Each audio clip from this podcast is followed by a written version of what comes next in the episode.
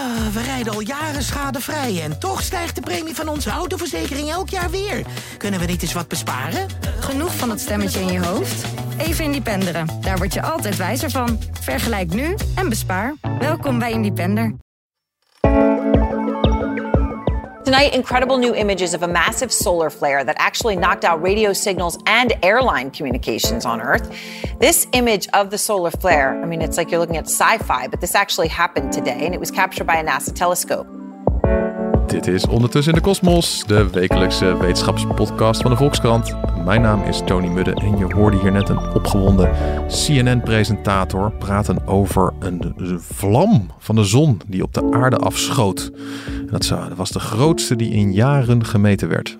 En dit soort zonnevlammen, ja, dat zijn de krachtigste explosies in ons zonnestelsel. Maar hoe werken ze eigenlijk en merken we er op aarde iets van? Ik ga het erover hebben met onze sterrenkunde-expert George van Hal. Welkom George, fijn dat je er weer bij bent. Dank je. En uh, ja, meteen maar met de deur in huis. Wat is een zonnevlam in hemelsnaam? Ja, het is een, een uitbarsting van licht en dan vooral röntgenstraling en een aantal uh, hele snelle hoogenergetische deeltjes die uit het, uh, uh, ja, uit het oppervlak van de zon schieten. En dat, dat kun je zien met telescopen, want nou ja, met het blote oog kun je het niet zien. Want dan kijk je namelijk in de zon en nou ja, dat is niet zo'n heel goed idee. Nee, dat is niet gezond. Nee. Maar met telescopen Precies, precies. Maar met telescopen kun je dat, uh, kun je dat wel zien. En soms uh, zijn die zonnevlammen wat sterker en soms wat zwakker. En dit was een, uh, dit was een behoorlijk krachtig exemplaar. En leert dit ons ook iets over hoe überhaupt de zon werkt? Hoe, hoe, hoe, ja, ik, ik, ik denk toch altijd een beetje als een soort kinderboek, een soort knapperend haardvuurtje ergens midden in het zonnestelsel. Dat werkt natuurlijk heel anders, maar hoe, hoe werkt dat? Ja, nou ja, de zon is een, een gloeiend hete bol plasma. En uh, de energie haalt hij uit kernfusie in het binnenste. Daar worden uh, deeltjes, uh, atomen worden daar op elkaar gedrukt en die smelten samen en daarbij komt energie vrij. Dat is waar die zon zijn, zijn temperatuur en zijn energie aan ontleent. En die hete bol die ehm, heeft ook allerlei magneetvelden. En vanaf hier beginnen wetenschappers eigenlijk niet zo heel goed meer te begrijpen hoe het nou allemaal precies werkt. Daarom zitten er ook allerlei missies met satellieten die om de zon heen draaien. sondes die we daarheen gestuurd hebben om te kijken hoe dat spel met magneetvelden nu precies werkt. Hmm. Uh, want de zon heeft namelijk een zogeheten zonnecyclus. Eens in de 11 jaar uh, wisselt die uh, tussen twee maxima. Dus dat, de tijd tussen twee maxima is ongeveer 11 jaar. En bij een zonnemaximum zie je op de zon heel veel zogeheten zonnevlekken. Dat zijn, nou ja, als je dan met zo'n telescoop kijkt, gewoon letterlijk donkere vlekjes die op de zon ontstaan. En uh, die ontstaan doordat er ja, iets geks gebeurt met dat magneetveld. Uh, dat wordt een beetje gekneed en een beetje gedraaid. En um, dat komt onder spanning te staan. En heel soms herschikt dat magneetveld een beetje. Je kunt je dat voorstellen als een elastiekje waar je heel hard aan trekt totdat het pang zegt op een gegeven moment. Mhm. En als het pang zegt, dan ja, wil er wel eens iets uit de zon schieten. Dus zo'n zo'n lichtflits of soms, en dat hangt er een beetje mee samen, een, een soort deeltjeswolk. Uh, dan is het gewoon letterlijk een beetje van het plasma van de zon dat naar buiten schiet en dan uh, de ruimte ingaat. En uh, zo'n deeltjeswolk wil dan ook nog wel eens richting aarde komen. Oh ja, want als er iets vanaf schiet, dat gaat natuurlijk meestal dan niet onze kant op, maar soms kan het wel onze kant op gaan. Ja, nou ja, die, die zonnevlammen, zoals we dat noemen, of nou, zonneflitsen was eigenlijk een beter woord geweest, maar zo noemen we ze nu eenmaal niet. Die kun je altijd zien, want dat licht dat schiet gewoon alle kanten op.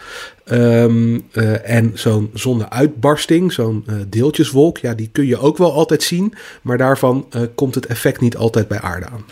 En ja, met mijn blote ogen kan ik het dus niet zien, maar hoe, hoe zien wetenschappers dit wel?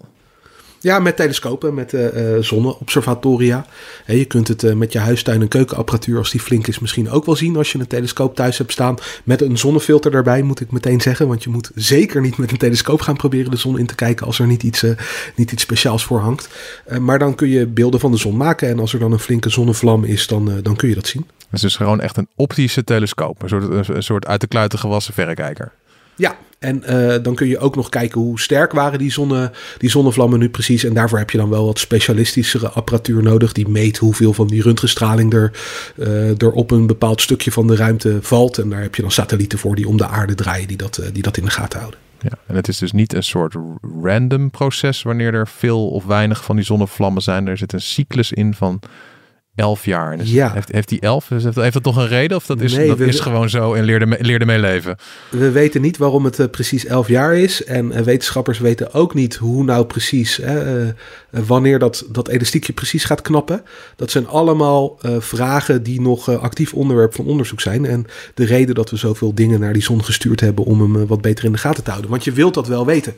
Ehm, je hebt nu wel iets van een waarschuwing. Hè? Op het moment dat je zo'n vlam ziet, weet je van nou ja.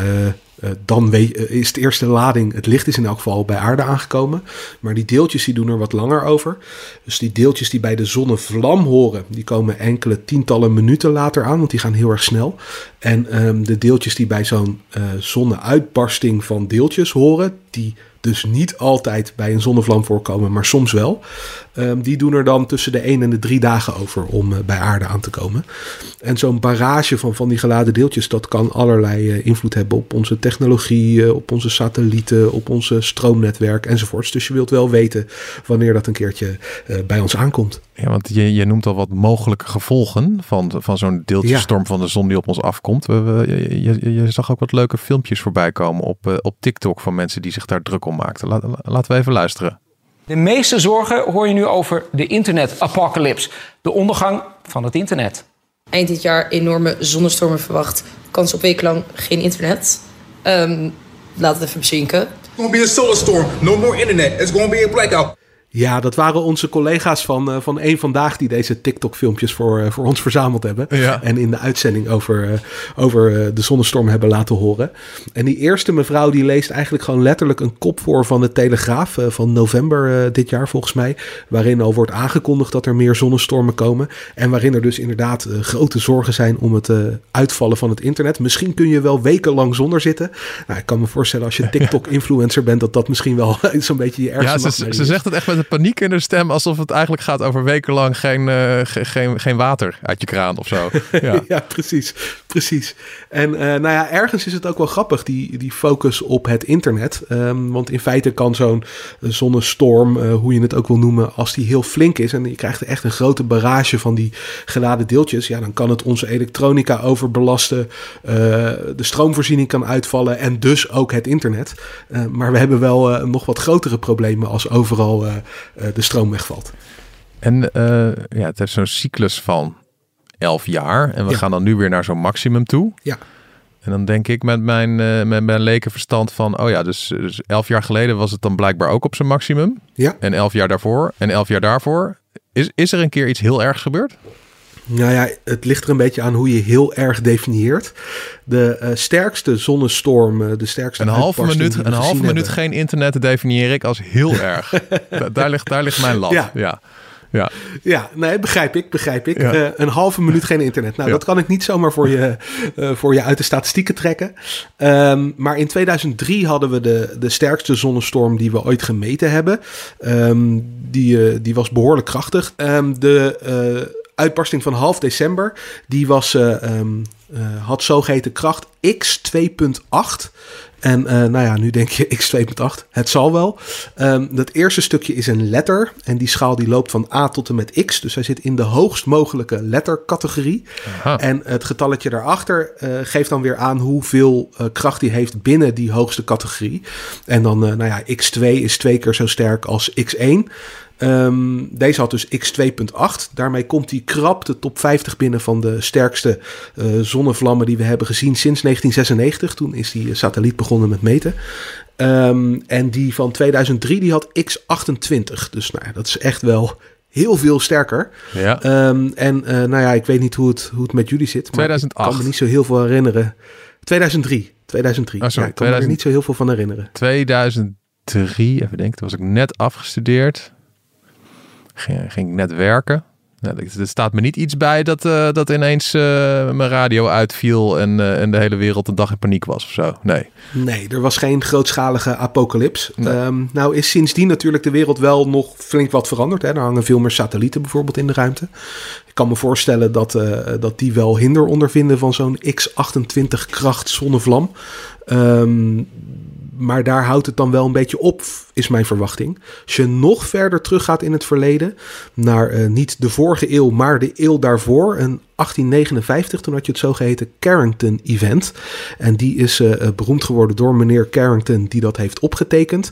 En um, wat hij destijds uh, meldde, is dat er mensen die achter zo'n uh, telegraaf zaten. Dat is zo'n communicatiemiddel voordat we telefonie en zo hadden, waarmee je met van die tikjes ja, telegrammen aan mensen kunt, kunt dicteren. Ja. En de mensen die achter die telegraafapparaten zaten, die schrokken zich rot, want die vlogen ineens in de fik. Niet die mensen, maar die, maar die apparaten. Die apparaten um, vlogen spontaan in de fik.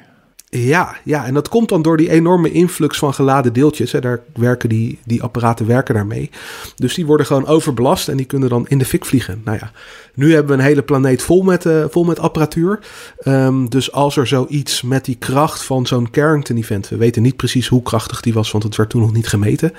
Uh, maar als er iets met vergelijkbare kracht nu op de aarde komt... ja, dan hebben we denk ik wel de pop aan het dansen. Kan je niet gewoon in een laboratorium uh, een oude telegraafmachine neerzetten en daar deeltjes op schieten en dan concluderen van dit was uh, X 700? ja, nou ja, dat kun je doen. Uh, ik weet niet precies of dit exacte experiment gedaan is, maar er zijn wel uh, mensen die geprobeerd hebben om te schatten hoe krachtig die nou ongeveer was. Ik uh, zag in, de, in wat presentaties getallen voorbij komen als X50 en zo. Mm-hmm. maar ik heb dat niet heel goed kunnen controleren of dat nou, of dat nou klopt, ja of nee. in elk geval nog sterker dan die uit, uit 2003. En, en ehm, nou ja, we weten dat die cyclus er is. Uh, we weten dat het een keer in de, in de 19e eeuw helemaal is misgegaan met machines en geladen deeltjes. Dan zou ik zeggen van ja, bereid je op de een of andere manier voor of zo. Bouw, uh, bouw iets in in apparatuur dat ze hier wel tegen kunnen. Kan dat? Uh, nou, als we het kunnen, dan hebben we het in elk geval nog niet gedaan. En het is natuurlijk ook nog eens heel erg duur om dan alle apparatuur die je nu al op aarde hebt, ineens te vervangen voor iets uh, die op de een of andere manier beschermd is tegen de uh, zeer kleine mogelijkheid van zo'n extreme zonneuitbarsting. Um, ja, dat zie ik zo 1, 2, 3 niet gebeuren. Ja, tenzij iemand een, een soort schild om de aarde gaat bouwen die al die straling tegenhoudt. Maar er zitten vast allerlei andere hoofdbrekens aan. En, en als je dan van tevoren al wel weet van, nou, hij komt eraan over een dag. Kan je dan nog iets? Ja, dan kun je wel dingen doen. Um, bijvoorbeeld iets dat heel verstandig is, is om vliegtuigen dan maar eens aan de grond te houden. He, zelfs bij deze uh, zonneuitbarsting van, uh, van, half, uh, van half december was het zo dat uh, piloten niet meer goed met de uh, radiotorens op de grond konden, konden communiceren. Nou, dat is best gevaarlijk. Ja. Als de technologie in die vliegtuigen ook nog eens gaat uitvallen, dan is het misschien nog wel een, uh, nog wel een gaatje erger. Um, astronauten zouden er last van kunnen hebben. Dus nu is het al zo dat als er zo'n zo'n behoorlijke zonnevlam is, dat die mensen dan achter de watertanks moeten gaan zitten. want een behoorlijke laag water houdt dan veel van die zonnestraling tegen. Want dit soort uh, hoogenergetische geladen deeltjes, die kunnen het uh, DNA laten muteren. Dus je hebt dan een, uh, een verhoogd risico op kanker als ah. je in de ruimte zit tijdens zo'n tijdens zo'n storm. dat ja, wil je natuurlijk ook niet. Dus um, dat is ook iets dat je, dat je moet gaan doen. Dus in zo'n ruimtestation hebben ze echt een soort, soort weerbericht van... oeh, er komt weer flinke lading geladen deeltjes aan. Ga allemaal achter de watertank zitten. Ja, absoluut. Ja, en um, er is gewoon een soort uh, ruimteweersite. Uh, NASA heeft die. Uh, je kunt er ook een app van hebben. Ik heb die op mijn telefoon staan. Vooral omdat, want de leuke bijvangst van dit soort hoogenergetische deeltjes is... als ze op de atmosfeer knallen, dan kun je het noorderlicht gaan zien. En als die een bepaalde waarde boven Nederland bereikt... dan heb je zelfs boven Nederland kans om dat noorderlicht te zien. Dus ik heb daar een, een, een paar apps op mijn telefoon staan... die mij een pop-up geven als er kans is op, op noorderlicht. Want nou, dat wil ik natuurlijk wel een keer meemaken. Oh ja. Um, dus uh, uh, ja, dat is de leuke bijvangst. Maar voor astronauten is er dus ook zoiets, maar dan voor in het ISS. Want uh, we hadden inderdaad ook de afgelopen maanden... was er dan af en toe zo'n bericht zo van... Noorderlicht te zien op de Waddeneilanden. Ja. En dan hadden, en hadden mensen... Die, dat, dat hangt dus ook hiermee samen. Dat die zon nu gewoon heel actief is. Ja, klopt. Ja, en um, half december waren dus ook ineens, uh, was het noorderlicht boven Hawaii te zien bijvoorbeeld. Ook zo'n plek waar je dat normaal gesproken niet verwacht. Uh, maar nu, dankzij die, uh, dankzij die deeltjesstorm die gepaard ging met die zonnevlam, was dat wel zo. En ik heb, ik heb wel elke keer dat als ik dan, weet je, dan komen er van die foto's op social media van, van, van plekken in Nederland waar dan, waar dan het noorderlicht mooi te zien is. En dan zie je echt gewoon zo'n Nederlands molentje met zo'n groene golvende lucht. Ja. Nou, dan, dan ren ik meteen naar buiten en dan ga ik naar een donkere plek. Denk, dat wil ik ook zien. En dan zie ik echt helemaal niks. Wat, hoe kan dat dan? Ja. Nou ja, ehm, het ligt er een beetje aan hoe krachtig uh, het noorderlicht op dat moment is. Meestal um, kun je het nog net wel zien met het blote oog als het echt krachtig genoeg is om zo, om zo laag boven Nederland te komen. Maar dan zie je niet al die spectaculaire kleuren. Uh, en um, die zie je dan pas als je met wat langere sluitertijd en met een goede fotocamera uh, een tijd lang naar dezelfde plek aan de hemel kijkt. Oh, die mensen, die, het is gewoon lange sluitertijd. Oh ja, dat is dat is Ja, dit is gewoon een lekker trucje. Het zijn ja. gewoon goede fotografen. Ja, ja. En soms is het dus zelfs zo zwak dat het niet te zien is. Mijn mobieltje kan ook een sluitertijd, zag ik laatst, van twee seconden of zo. Ja. Moet ik dat eens proberen de volgende keer. Ja, moet je, moet je wel iets van een statiefje hebben, want anders dan uh, wordt het enorm bewogen. Oh ja, be bewogen wazig noorderlicht. Nee, ik wil wel echt ja. gewoon, gewoon spectaculair boven mijn, eigen, boven mijn eigen dak, zeg maar, van mijn huis. Dat, dat, dat wil ik nog Ja. een keer meemaken. Moet kunnen met een mobieltje. En die zonnevlammen, gaat dat, eh, gaat dat gewoon eeuwig zo door? Of is het is op een gegeven moment de, de zon gewoon op of de energie op? Of hoe werkt dat met, met de zon dan? Nou ja, eeuwig in elk geval niet. Um, overigens, uh, voor mensen die zich nu naar de uitzending uh, uh, enorm zorgen maken over dit soort zonnevlammen. Op sterren vergelijkbaar, zoals vergelijkbaar met onze zon, komen dat soort hele krachtige dingen die de, het hele internet en het hele netwerk gaan platleggen, komen echt maar eens in een paar duizend jaar komen die voor. Okay. Nou ja, als dat Carrington Event er eentje was, dan zitten we statistisch nog niet in de zone waarop je het meteen nu alweer verwacht. Um, kan, kan nog steeds hoor, maar nou ja, we, we hoeven ons er niet uh, vreselijk veel risico over te maken. Mhm. Mm -hmm. Gaat dat nou uh, nog uh, met een talloze aantal cycli van duizend op duizend op duizend jaren door? het gaat in elk geval nog heel lang door. dat zeker. de zon is een, uh, wel een voorwerp dat evolueert. Dus op een gegeven moment gaat die van zijn huidige fase... en nu is het een soort gezapige, uh, okere bal aan onze hemel... en op een gegeven moment wordt dat een, een veel grotere bal. Dan gaat hij de rode reuzenfase in. Uh, dan gaat er van alles gebeuren. Op een gegeven moment gaat hij de binnenste planeten gaat hij verzwelgen. Dus Mercurius verdwijnt dan de zon in... en Venus verdwijnt op een gegeven moment de zon in... en de verwachting is dat de aarde dan zo net aan de buitenrand... op een gegeven moment hangt van waar de zon zich nu bevindt... Nou ja, tegen die tijd is het hier al één grote zwart, zwart geblakerde hel. En dan uh, leeft er geen mensen uh, meer op aarde. Maar de zonnevlammen gaan dan wel gewoon nog door. Dus daar zijn we nog niet vanaf. Alleen is er niemand meer om er, om last van te hebben. En um, nou, dat gaat zo nog, nog een tijd door. En op een gegeven moment stoot hij dan zijn buitenste lagen af. Dan hou je een zogeheten witte dwerg over. Dus een veel kleinere, veel minder hete ster. En die blijft ook echt nog ongelooflijk lang stralen. Een, uh, een 1 met 15 nullen erachter. Zoveel jaar duurt dat. En dan op een gegeven moment dan is, die, uh, is die uitgestraald. En dan noem je het een zwarte dwerg. Dan is die er nog wel. Uh, maar tegen die tijd heb je zeker geen zonnevlammen meer op, op de zon. Dus eeuwig nee, heel lang dat nog wel. Oké. Helder. En, en voor de mensen die toch een beetje bang zijn dat het hun internet uitvalt, of wat dan ook, bij de volgende grote zonnevlam die eraan komt, dan is dus eigenlijk het advies: zet je laptop achter een grote watertank, toch? Of onder ja, nou ja, dan valt, jouw lap, dan valt jouw laptop niet uit, maar uh, je internetverbinding misschien nog wel. Tenzij je ook alle internetinfrastructuur achter een soort grote watertank gaat zetten. Oh ja. Maar dan ben je wel even bezig. Oh ja, dan, ja dan, dan doe ik maar gewoon niks en, en hoop op het beste. Dankjewel, George. Dat lijkt me een goed idee. Ja. Yes. Dit was Ondertussen in de Kosmos, de wetenschapspodcast van de Volkskrant. Grote dank aan mijn gast van vandaag, onze sterrenkunde-expert George van Hal. De volgende keer zijn we er weer met een heel nieuw onderwerp. Mijn naam is Tony Budde. Graag tot dan!